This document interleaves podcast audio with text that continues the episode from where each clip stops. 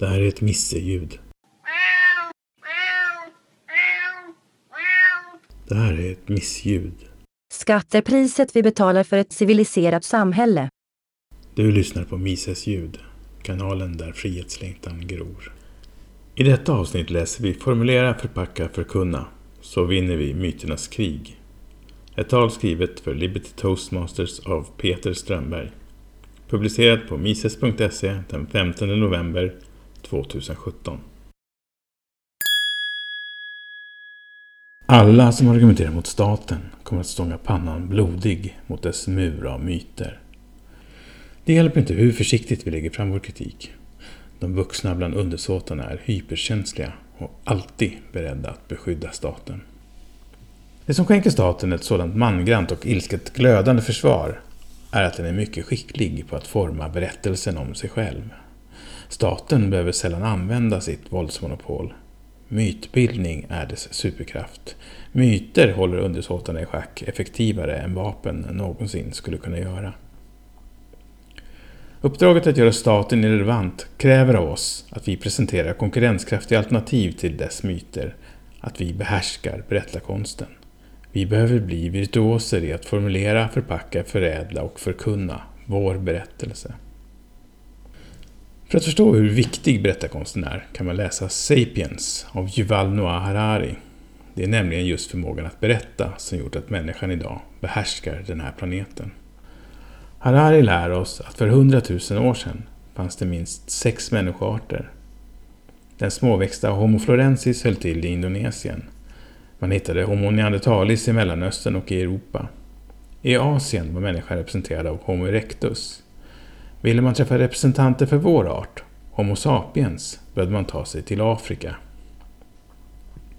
Idag finns sapiens över hela världen och alla andra arter av släktet Homo är borta. Detta trots att även de gick upprätt. Även de kunde föra samman fingerspetsarna med sina tummar.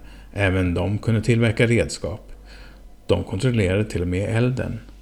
Men allt detta var inte nog för att ta herraväldet över jorden. Avgörandet kan istället, enligt Harari, härledas till för 70 000 år sedan, till den kognitiva revolutionen. Då gjorde en förändring i vårt språk att sapiens började kunna föreställa sig sådant som inte finns till exempel morgondagen, änglar och ett liv efter detta. De andra människoarternas kommunikation toppresterade med saker som ”Akta! Lejon i antågande” eller ”Häng med! Jag såg just färska spår efter en buffeljord”. Det är viktiga saker att kunna förmedla, men inte tillräckligt för att skapa det sociala klister som krävs för att hålla samman grupper större än 50 individer. Och det räcker absolut inte för att forma allianser mellan stora samhällen.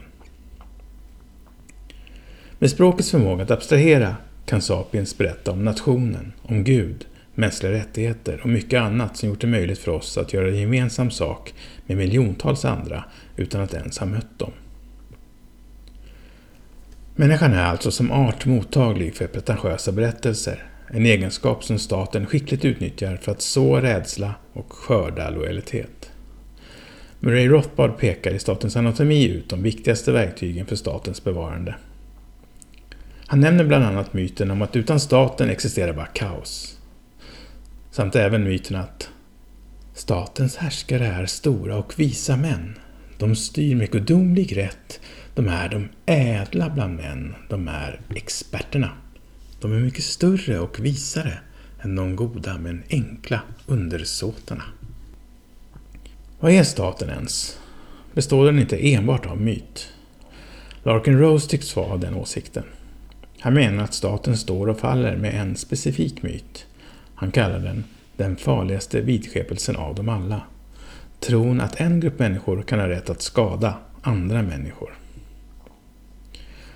Rothbard och Rose visar att ingredienserna i statens berättelser är så skramlande tomma och så urbota dumma att ingen vuxen skulle gå på dem. De behöver planteras in tidigt och staten riktar därför mycket medvetet in sig på barnens sinnen vilket gör den urstark. Den ser stundtals oövervinnlig ut. Jag misstänker att staten kommer att plåga mänskligheten för all dess framtid. Det är kanske lika bra att vi ger upp och går hem. Nej, självklart inte. Vi kan besegra staten. Inuti oss själva. De flesta som hör denna uppmaning har redan gjort det. Statens myter biter inte längre på oss. Det är när vi blir tillräckligt många som vunnit denna inre strid som vi är starka nog att hävda vårt utträde. Vår kärlek till friheten kräver därför att vi blir skickligare på att hjälpa andra att våga släppa sargen. Vårt viktigaste verktyg för det är förmågan att forma vår berättelse, att väva våra myter.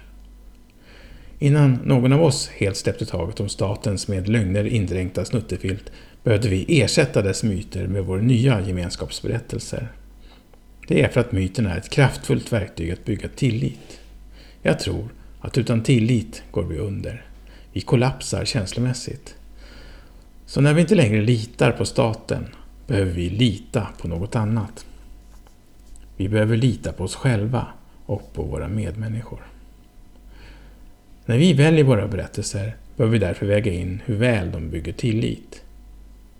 Jag har några förslag som baserar sig på att vi har en rik tillgång i vår uppslutning bakom äganderätten.